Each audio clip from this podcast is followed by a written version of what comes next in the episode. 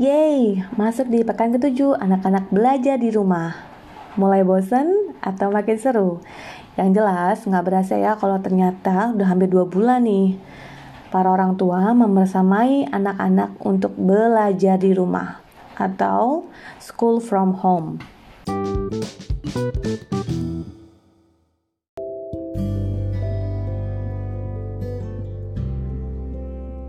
Assalamualaikum warahmatullahi wabarakatuh. Ngomongin soal school from home ini menarik banget. Sejak ada himbauan pemerintah bahwa kegiatan belajar mengajar anak-anak dipindahkan ke rumah, itu bikin kita para orang tua memiliki peran ganda. Yang pertama adalah peran sebagai orang tua, yang kedua adalah sebagai guru. Dan ternyata anak-anak ini punya ekspektasi yang tinggi loh sama orang tuanya jadi mereka menganggap bahwa orang tuanya bakalan ngerti segala macam seperti guru-gurunya. Begitu juga dengan orang tua. Orang tua punya ekspektasi. Contoh nih, ekspektasinya bakalan tetap bangun pagi. Terus mandinya nggak perlu pakai disuruh-suruh. Dan mengerjakan tugas dengan happy. Tapi realitanya bangunnya siang. Kemudian malamnya bakalan berkadang tuh pasti Terus untuk mandi harus pakai disuruh-suruh dulu, harus dipakai diingatkan. Kak, ayo mandi, Kak, ayo mandi, kayak kayak gitu.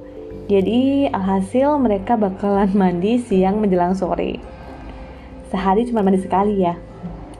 Kemudian soal tugas, karena mereka seharian main sampai capek, ngerjain tugasnya itu udah jelang-jelang deadline. Jadi menjelang deadline baru dikerjain yang ada mereka tuh nggak happy untuk kerjain tugas gitu loh karena mereka mengerjakan tugas dalam kondisi kelelahan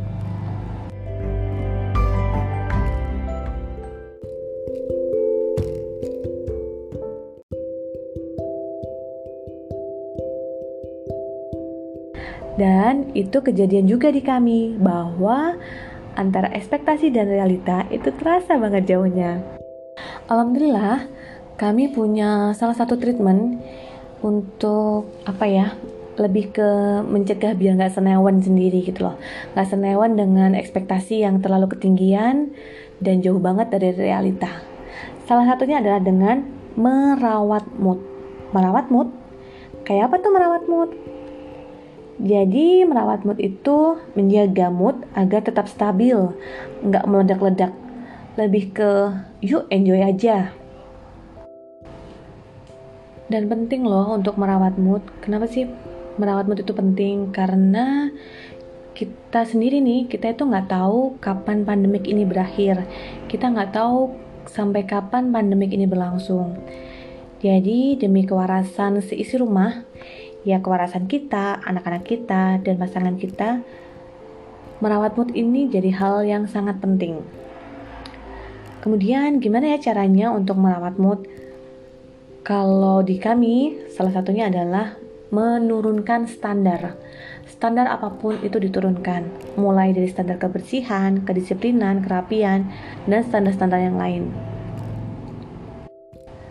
Kemudian bisa juga dengan memiliki me time dan berkompromi dengan pasangan. Misalnya nih, eh, saling bergantian untuk menjaga anak-anak. Karena kan sebagian besar nih pasangan kita juga work from home kan jadi bisalah kita lobbying sama pasangan kita. Kita diskusi kita kompromi saatnya jaga anak-anak siapa saatnya yang handle rumah siapa. Ada satu poin yang penting banget untuk merawat mood yaitu banyak-banyak bersyukur. Karena dengan kita banyak bersyukur maka kita akan terasa bahagia.